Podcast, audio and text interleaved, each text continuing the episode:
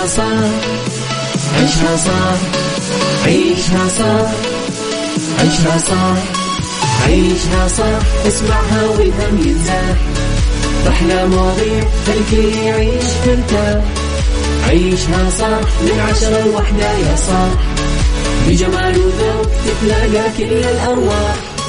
فاشل واتيكيت يلا نعيشها صح بيوتي وديكور يلا نعيشها صح عيشها صح عيشها صح. على Mix FM يلا نعيشها صح. الآن عيشها صح على Mix FM. Mix FM هي كلها في ال mix. هي كلها في ال mix.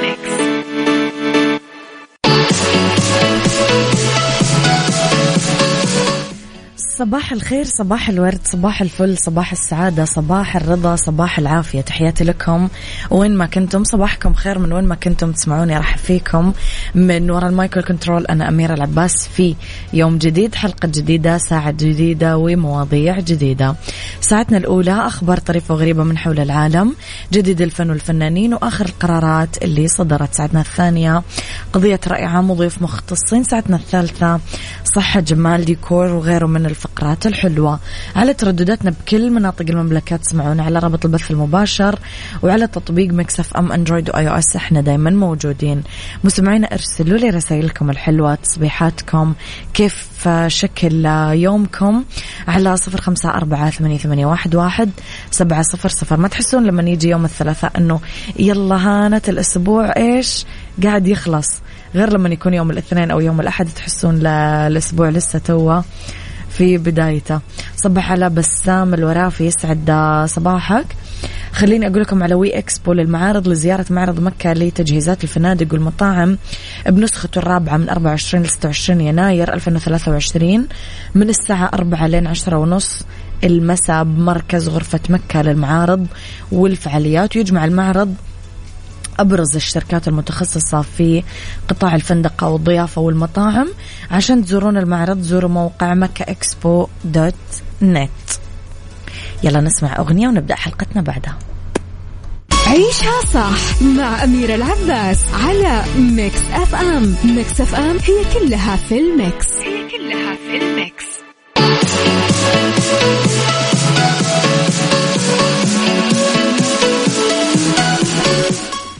يا صباح الخير وتحياتي لأحلى ناس بالدنيا وأحلى مستمعين يسعد صباحكم. وين ما كنتم ومن وين ما كنتم تسمعونا.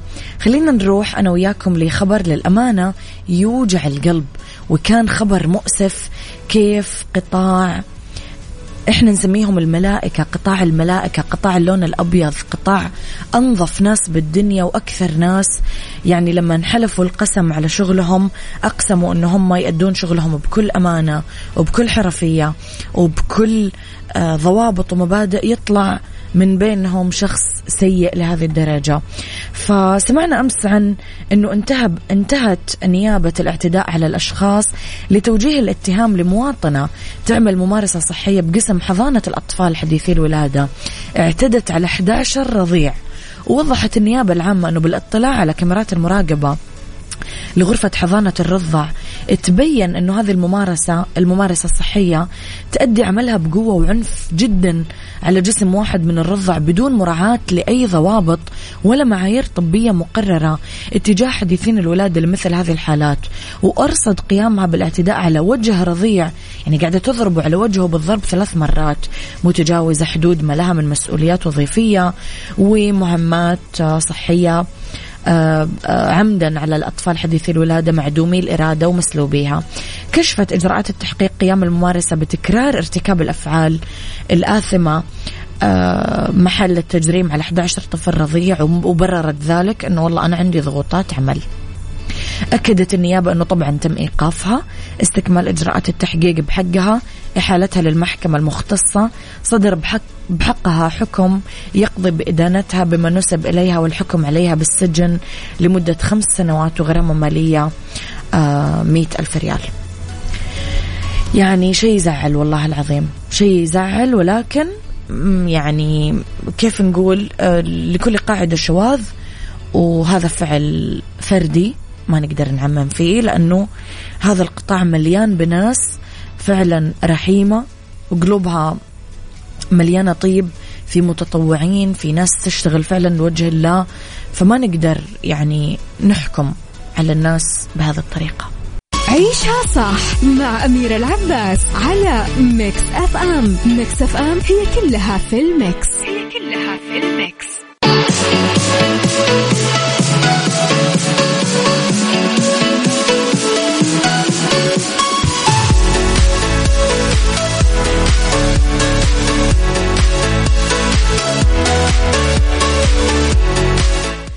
تحياتي لكم مستمعينا لخبرنا الثاني وخبرنا الفني. اعترفت الفنانة انتصار إنه الفن المصري يشهد حاليا ندرة بعدد الفنانات اللي متخصصين بتقديم الكوميديا وقالت إنه عدد نجمات الضحك في الدراما المصرية الآن ما يتخطى أصابع اليد الواحدة والسبب إنه الكوميديا بالأساس موهبة نادرة جدا وفي صعوبة الحياة اللي نزعت الابتسامة من أغلب النساء.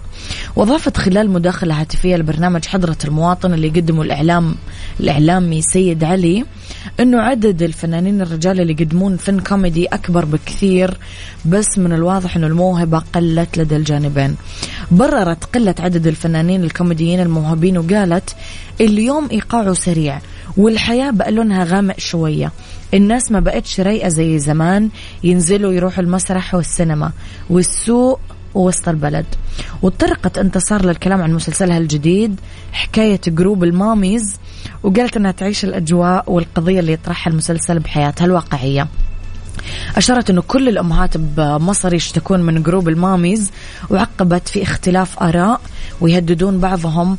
ال group يضم المسيطرة واللي عاوزة تغير الكون واللي عاوزة تسيطر على وزارة التربية والتعليم وتغير قوانين التعليم. نوهت بنفس الوقت أنه هذه الجروبات مفيدة ببعض الأحيان وما نقدر نلغيها. وشددت شددت على أهمية إنهاء ظاهرة التدخل الزايد عن اللزوم من بعض الأمهات بشؤون التعليم. هذه أخبارنا الفنية. صباح الورد يا أبو عبد الملك. صباح الخير والسعادة صباحك رضا. بس هالخبر تبع الممرضة مع الأطفال بجد يوجع ويحزن. مو قادرة تتحملين. اطلبي نقل ارحمي ضعفهم عشان الله يرزقك. ما قدرت أفهم سلوكيات البعض. يا رب صباح جميل للجميع من لطيفة. صحيح يا لطيفة للأسف ما في أي أي مخلوق في الكون مسؤول عن ما نعيشه من ضغوطات أو ما نعيشه من آه، زيادة مسؤوليات أو ما نعيشه من ظروف مو عجبتنا ما نحط آه، قهرنا والمشاعر اللي نعيشها في من هم أضعف مننا. ولكن مثل ما قلنا لكل قاعدة شواذ.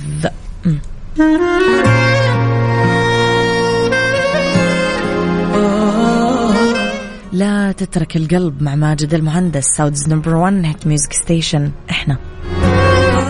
Mix FM عيشها صح مع أميرة العباس على Mix FM Mix FM هي كلها في ال mix.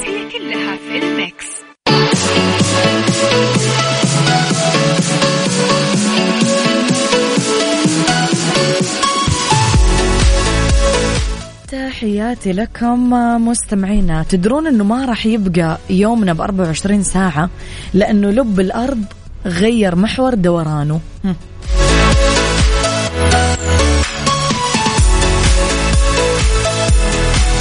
أصلا هذا راح يساهم كمان بالتأثير بشكل طفيف على المجال المغناطيسي للأرض. بعد ما صار تحليل لحركة الموجات الزلزالية والتغيرات الأخيرة أكدت مجموعة من الباحثين الصينيين إنه اللب الداخلي للأرض غير محور دورانه وأشار الباحثين إلى إنه تغيير دوران اللب الداخلي للأرض من شأنه إنه يقصر من طول الأيام بمقدار جزء ضئيل من الثانية طوال عام. وذلك في دراسة نشرتها مجلة Nature Geoscience آه، آه، العلمية يوم الاثنين لفتوا أنه هذا راح يساهم كمان بالتأثير بشكل طفيف على المجال المغناطيسي للأرض وفقا لما نقلته صحيفة Wall Street Journal أفاد الباحث المساعد بالدراسة والخبير كمان بعلم الزلازل من جامعة بيكينج أنه من الناحية النظرية هذا الأمر دام لفترة طويلة. بس في دلائل على أنه بدأ من عقود قريبة يعني. نوه إلى أنه دوران اللب الداخلي للأرض يسبب المجال المغناطيسي المولد من الطبقة السائلة الخارجية. ويمكن لدراسة حركة دورانه أنه تساعد العلماء في فهم كيفية تفاعل الطبقات المختلفة للأرض مع بعضها البعض. إيش رأيكم مستمعينا؟ كل يوم مطلعين لنا دراسة عن المريخ وعن أنه بنعيش بالفضاء وما راح نعيش بالفضاء. والمجرة والكواكب والما أعرف إيش ومعيشين بهذا الرعب. بالله إيش رأيكم؟ عيشها صح برعاية راحة من الشركة السعودية لحلول القوى البشرية سماسكو. راحة لكل بيت.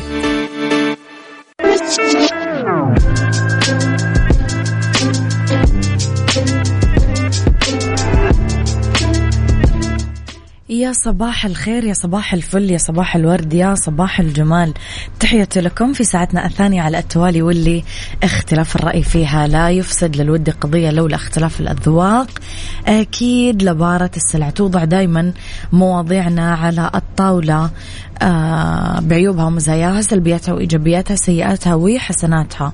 تكونون أنتم الحكم الأول والأخير بالموضوع. بنهاية الحلقة نحاول أننا نصل لحل العقدة ولمربط الفرس إذا مستمعينا موضوع اللي راح أطرحه اليوم كيف يجب أن يتدخل الوالدان اللي هم الأب والأم لمن يتشاجر الأشقاء. إذا عندك طفلين أو أكثر غالبا آه، ممكن يلعبون مع بعض يدرسون مع بعض ينامون مع بعض فأكيد راح يضاربون مع بعض. فمتى أنتم تتدخلون ومتى ما تتدخلون؟ قولوا لي رأيكم عشان في آخر الحلقة نتناقش أنا وياكم في الطرق الصحيحة لعلاج هذا الموضوع على صفر خمسة أربعة ثمانية, ثمانية واحد, واحد سبعة صفر صفر.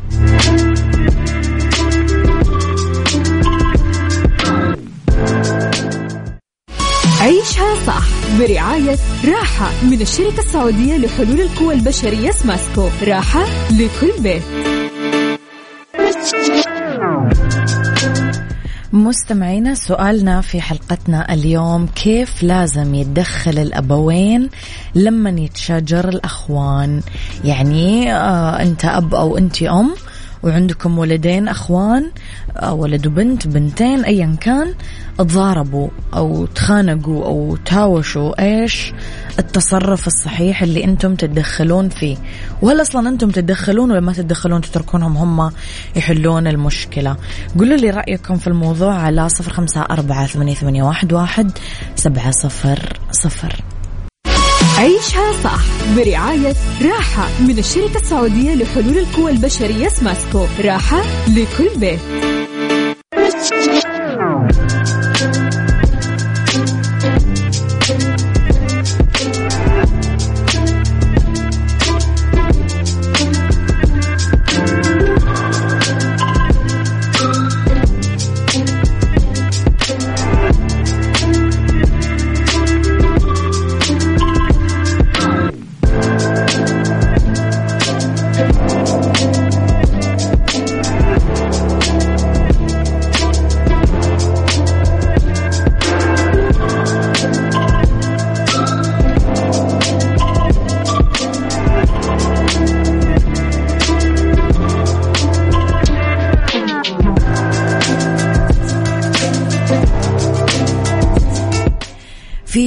الحلول بعض الطرق بعض الوسائل اللي إحنا نقدر يعني ناخذها من أخصائيين التربية من خلال طبعا نقاط. أول شيء توقعي أنهم أو توقع أنت سواء أب أو أم أنهم منسجمين دائما عشان نقلل دورنا في النزاعات نحتاج لزيادة مستوى الصبر. لازم نكون دائما في توقع إنه الأشقاء في سلام مع بعضهم طول الوقت. علموا أطفالكم كيف يتوقفون عن الشجار. يعني لازم تطلبون منهم يتعاملون مع الأمر بنفسهم لازم يكون عندهم مهارات لازمة للقيام بذلك. علموهم كيف يستمعون يفهمون وجهة نظر بعضهم. لازم نعلمهم كمان يغفرون ويعتذرون. لا تسامحين الابن المفضل لكم ابدا. كثير من الأحيان يوبخون الأهل الأخ الأكبر اللي مرجح إنه يهيمن أو يكون سبب القتال بس لا تلقون دائما اللوم على أحد الأطفال وتحمون الآخر. لا تفرقون في المعاملة بين أطفالكم ابدا. تدخلوا دايما بحالة الأذى الجسدي أو التطاول بالكلام. إذا أحد غلط بالكلام كثير قل أدبه أو صار في تدخل جسدي. اثني على أطفالك لما يحلون المشكلة. هذه يعني طرق سريعة سهلة بسيطة. آه، حلول يعني ما تأخذ لا وقت ولا آه، مساحة ولا عذاب ولا يعني كثير سهلة وبسيطة. تقدرون تحلون فيها الخلافات بين أبنائكم.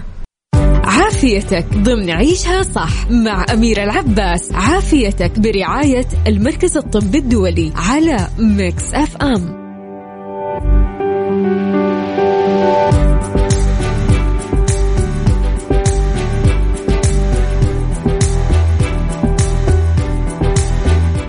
يسعد مساكم مستمعين تحياتي لكم. وين ما كنتم مساكم خير من وين ما كنتم تسمعوني. ارحب فيكم في أولى ساعات المساء آخر ساعات عيشها صح؟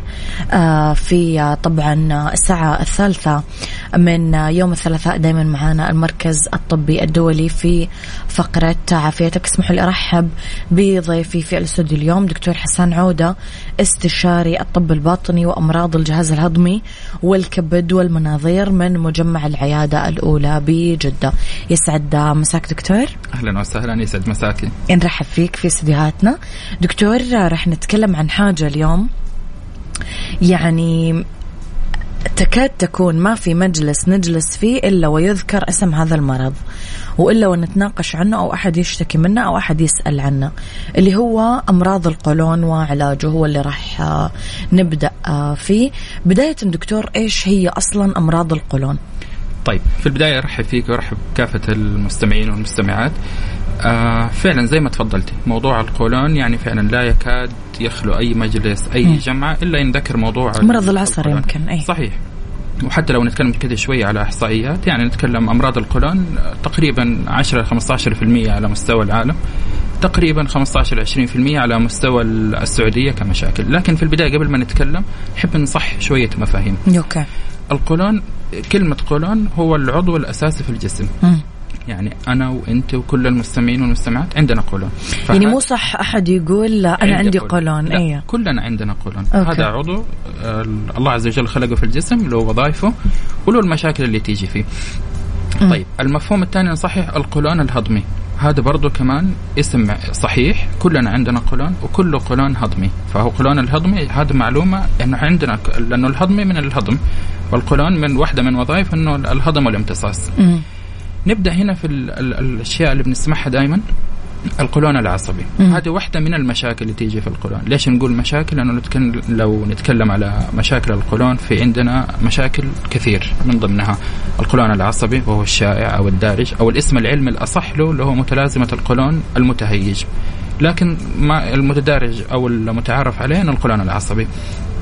من ضمن المشاكل أمراض الأمعاء الالتهابية بنوعيها القولون التقرحي أو ال ulcerative colitis أو الثاني اللي هو المرض Crohn's من ضمن المشاكل مرض القولون المجهري من ضمن المشاكل وغيرها وغيرها تقرحات القولون وغيرها. فهذه بصفة عامة هي مشاكل جيوب القولون برضو من المشاكل اللي إحنا بنشوفها. والمضاعفات اللي ممكن تحصل معاها من الالتهابات والنزيف وغيرها من المشاكل. لكن إذا تسمحي لي نحب يعني خلينا نركز شوية على الموضوع اللي, اللي فيه مغالطات كثير أو أوكي. اللي الناس بتشتكي منه أكثر واللي بنشوفه أكثر في العيادات اللي هو القولون العصبي. طيب آه كقولون عصبي أول شيء زي ما قلنا إنه معنى القولون العصبي هو الاسم العلمي الصحيح له اللي هو متلازمة القولون المتهيج. م.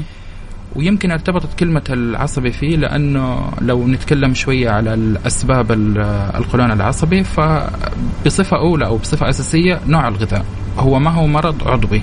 لما نقصد أنه ما هو مرض عضوي يعني ما هي مشكلة في القولون إنه في تقرحات، ما هي مشكلة إنه في نزيف في القولون، ما هي مشكلة بعيد الشر إنه في أورام، في لحميات، في مشاكل، لا هو خلل في عمل القولون خلل في عم في عملية الهضم والامتصاص نتيجة خلل في عملية تقلصات القولون.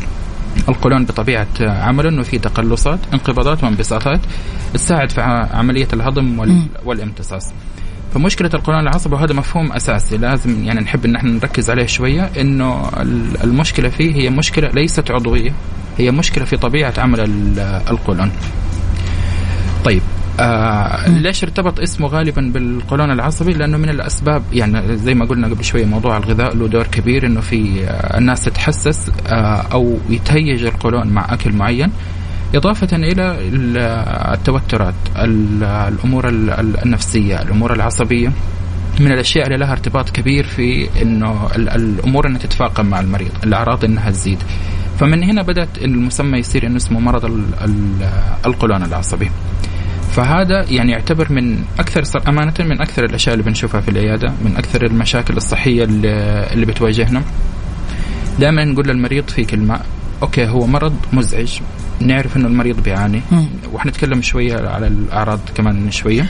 أوكي. آه لكن الشيء اللي نحب نطمن المريض فيه صح إنه مزعج صح إنه يسوي أعراض وإنه الشخص إنه يكون آه متضايق طبيعة في في حياته. لكن الحمد لله ما هو مقلق. ما هو من الأمراض اللي بعيد الشر تتحول إلى أورام. ما هي من الأمراض اللي إنها تكون مقلقة إلى حد ما. طيب دكتور أبغى أروح شوية لإعراض مرض القولون عشان نوضح أكثر للمستمعين. ممكن إحنا نقول لحضرتك إنه طب دائما الدكاترة النفسيين يقولوا لنا إنه من أعراض القلق والاضطراب والمعرف إيش في مشاكل في البطن؟ تصير البطن تنتفخ أو البطن تعورنا؟ أو يصير عندنا مثلا ما في شهية؟ أو ممكن حتى في أشخاص يستفرغون؟ فايش أعراض مرض القولون؟ حتى مثلا لو أحد أكل آه، بهارات كثير أو فول أو إلى آخره راح يتضايق برضه. صحيح. فأنا كيف أعرف هل أنا طبيعي بعيش الأعراض الطبيعية ولا أنا عندي طيب. مرض قولون. خلينا نتفق على شيء إنه أول حاجة إنه أي شيء حيذكر بمعنى كلمة القولون الآن في الوقت الحالي المقصود فيه القولون العصبي. طيب له أعراض. أول شيء لازم نفهم إنه القولون العصبي ينقسم إلى ثلاث أقسام. في أو من ناحية الأعراض. في ناس يكون عنده القولون العصبي من ناحية يعني والأعراض غالبا هي إمساك. في ناس يكون لا الأعراض غالبا هي إسهال. في ناس يكون عندها ألم. وفي ناس يكون الأعراض لا مختلطة. بمعنى إنه الشخص ممكن في خلال الأسبوع أو حتى ممكن في خلال اليوم الواحد يكون عنده تتعدد إمساك. عنده صحيح صحيح. إنه يكون إمساك أو, آه، أو أنتم بكرامه إنه يكون في إسهال أو لا أحيانا تكون الأعراض مختلطة مع بعض. وفي أشخاص لا إنه يكون الألم هو الأساسي. مم. طبعا الشيء يعني إحنا دائما نقول إنه والله إذا في أعراض يعني الشخص يعني ما يتساهل فيها.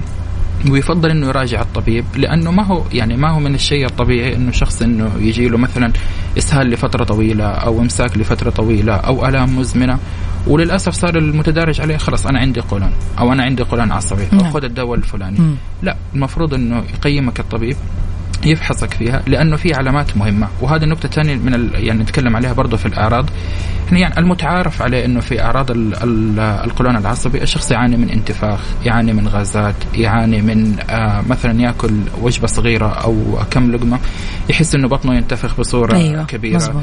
آه وأنتم بكرامة لخبطة في عملية الإخراج مم. ما بين الإمساك الطويل الإسهال الطويل لخبطة الإمساك لخبطة ال... ال... الإسهال هذه إحنا نرجح فيها ال... إنه يكون الشخص مصاب بالقولون العصبي ولكن في نفس الوقت عندنا علامات آه، مهمة لازم نسأل المريض عنها ونستثنيها إن وجدت. يعني آه، إذا كان في انخفاض في الوزن وانخفاض في الوزن بنسبة ملحوظة وبنسبة كبيرة. إذا كان الشخص عنده تاريخ مرضي في أحد الأقارب خصوصا أقارب الدرجة الأولى إنها فيها أورام، أورام الجهاز الهضمي والقولون. إذا كان الشخص وأنتم بكرامة عنده آه، نزيف آه، مع البراز. نعم. إذا كان الشخص عنده فقدان في الشهية لفترة طويلة لا هذه الأعراض مقلقة. وما يعني نحب إن إحنا دائما نسوي فحوصات أكبر إن إحنا نتأكد إنه هذا ما هو فقط القولون العصبي لا إنه في أعراض ثانية إنه أو في مشاكل صحية ثانية نحب لازم تتشخص. طيب وفي نفس الوقت حتى الأعراض القولون العصبي يعني لو زي زي ما ذكرنا قبل شوية سواء كان ال ال الانتفاخ الغازات الإمساك أو الاسهال هي كلها اعراض أعراض عامة وتتشارك مع كثير من أمراض الجهاز الهضمي. في أمراض معينة نحب كمان برضو إن إحنا نستثنيها وقت تشخيص القولون العصبي. وعلى راسها أو أهمية حاجتين أمعاء داء الأمعاء الالتهابي اللي هو مرض كرونز والقولون التقرحي. والشيء الثاني اللي هو حساسية الجلوتين. نعم. لأنه هذه أعراضها إلى حد كبير تتداخل مع أمراض أعراض القولون العصبي. إضافة إلى أنه أحيانا نسبة الناس اللي عندهم مشاكل أخرى اللي هي الأمعاء الالتهابية أو حساسية الجلوتين تكون يعني نسبة أنه معهم قولون عصبي بنسبة كبيرة مرة. فنحب أن إحنا نستثني هذه الأمراض. إذا كان التاريخ المرضي مهم آه ويرجح أنه هذه الأمراض أنها تكون موجودة. موجودة في العائلة عافيتك ضمن عيشها صح مع أميرة العباس. عافيتك برعاية المركز الطبي الدولي على Mix FM.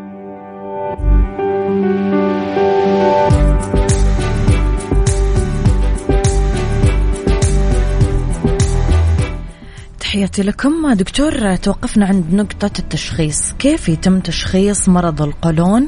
وهل يحتاج التشخيص إلى منظار بما أنه حضرتك ذكرت أنه ممكن الأعراض تتشابه مع أمراض أخرى. طيب ممتاز. آه النقطة الأساسية في التشخيص هو التاريخ المرضي من من الشخص العائلة أيوة التاريخ المرضي من الشخص المصاب. هي هذا الأساس الرقم واحد واثنين إلى عشرة. م. مهم أنه الطبيب يسمع من من المريض الأعراض اللي موجودة. هل هي فعلا فقط غازات انتفاخات؟ هل في المريض آه، الأعراض هل هذه مزمنة؟ هل هذه لا؟ لأنه زي ما ذكرنا إنه الأعراض تتشابه مع كثير من الأمراض. فالتاريخ المرضي أساسي أساسي. ما ينفع إنه والله إنه مثلا شخص إنه من نفسه يشخص آه، بحاله أو يسمع من شخص ثاني ويأخذ دواء ويجرب.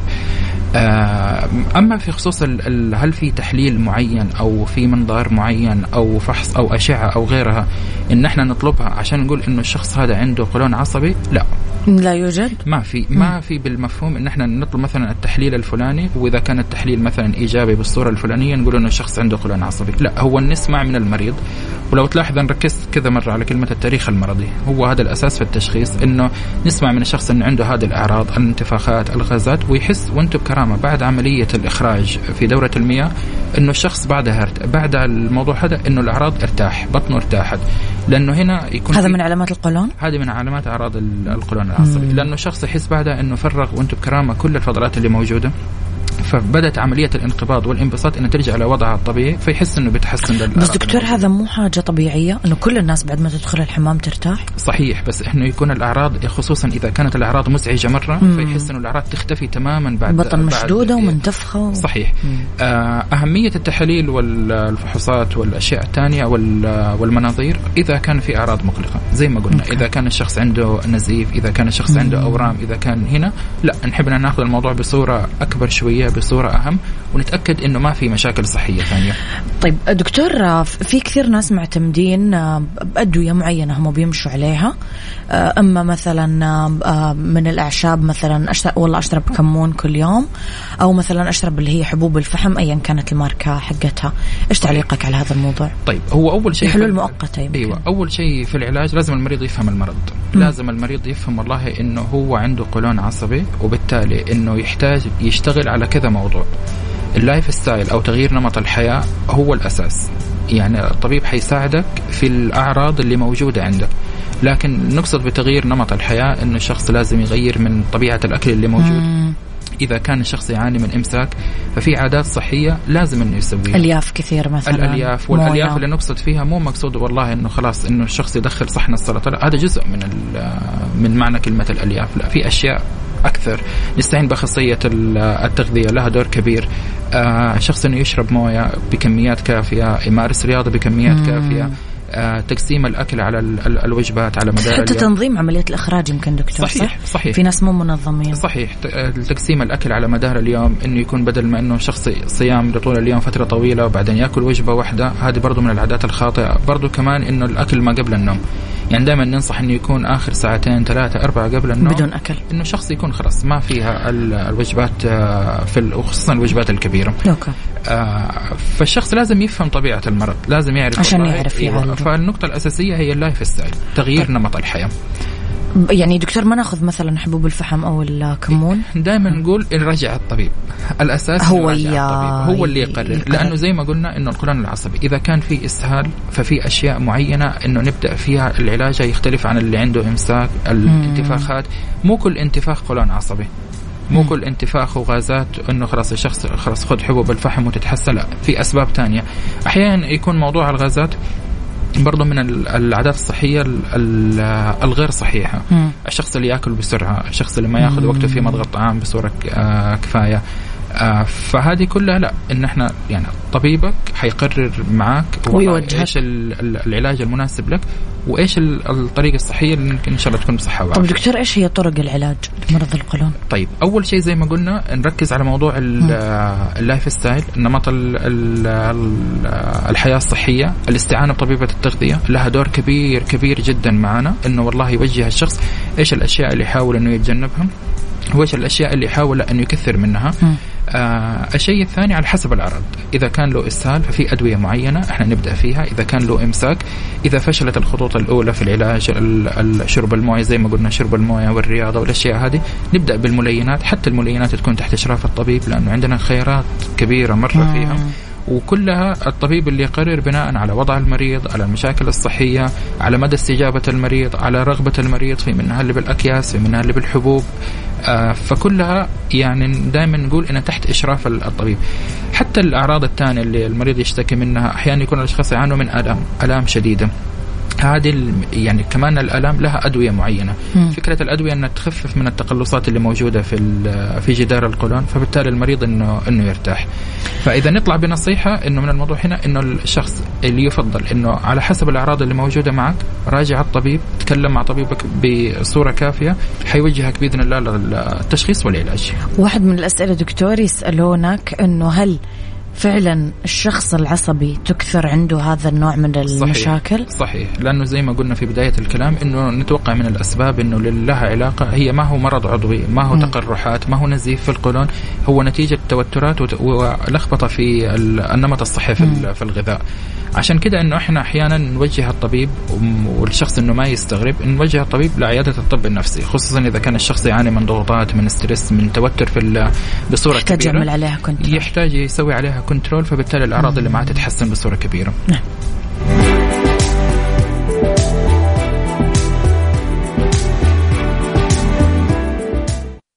عافيتك ضمن عيشها صح مع أميرة العباس. عافيتك برعاية المركز الطبي الدولي على Mix FM.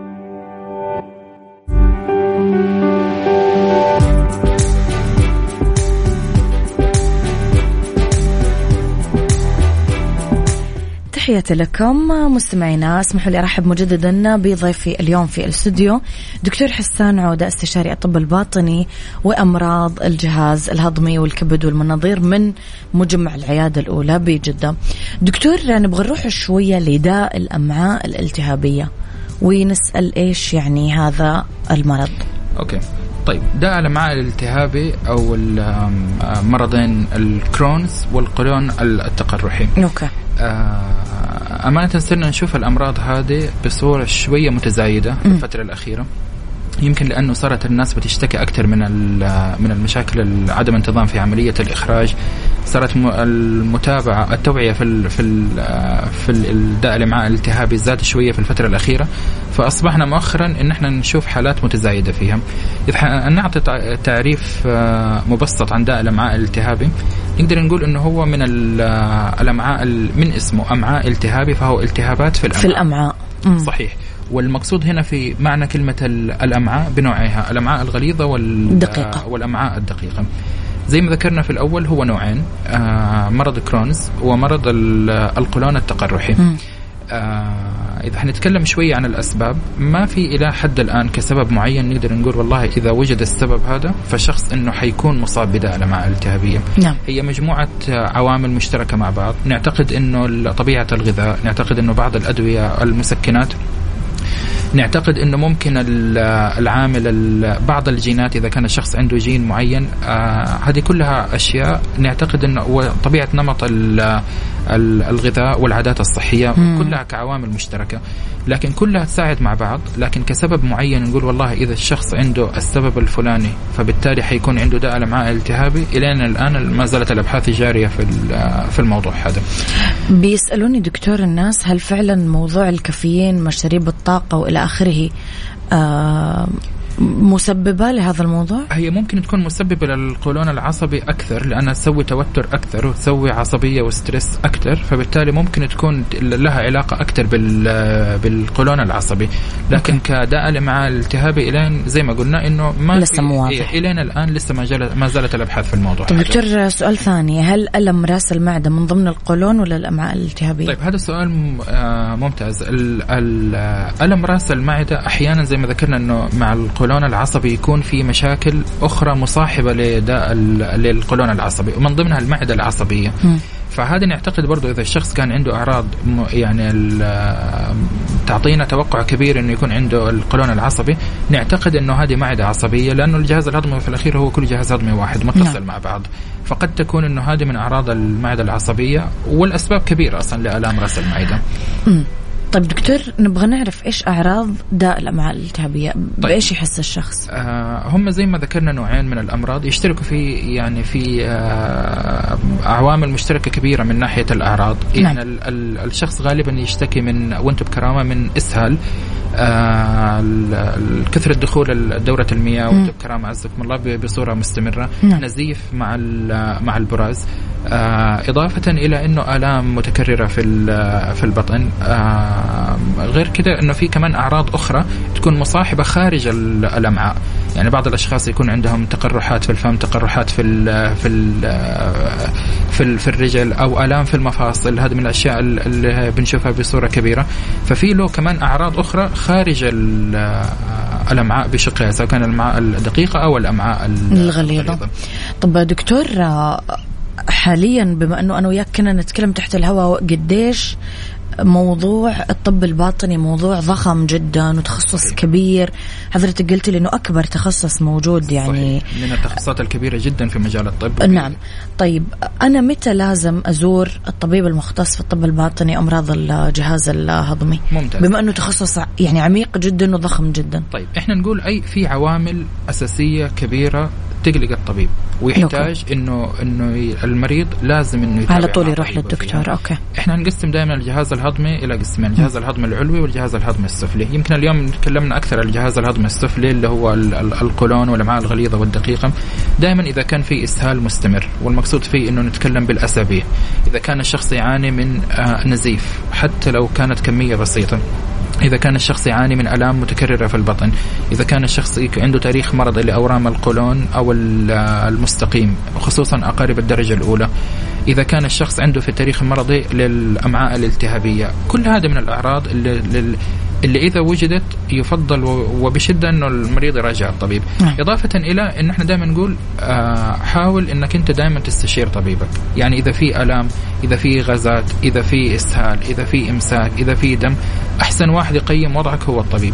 بلاش نعتمد أكثر على تجارب الناس اللي قاعدة تجارب الناس أو عن طريق السيرش اللي على النت أو المعلومات المغلوطة لأنه ممكن هذا خلطة ما اعرف إيش وخلطه صحيح أو جوجل أو البحث أو الأشياء من هنا لأن هذه الأشياء كلها بتأخر التشخيص واللي إحنا ويختلف العلاج إذا كان التشخيص في بداية المرض عن عن مرحلة متفاقمة فيه. دكتور نورت حلقتي يعطيك ألف عافية. أشكر وجودك. وشكرا للمعلومات الجميلة. الخاصه بحلقة اليوم. الله يعطيك العافية. شكرا لكم. تحياتي لك أشكرك.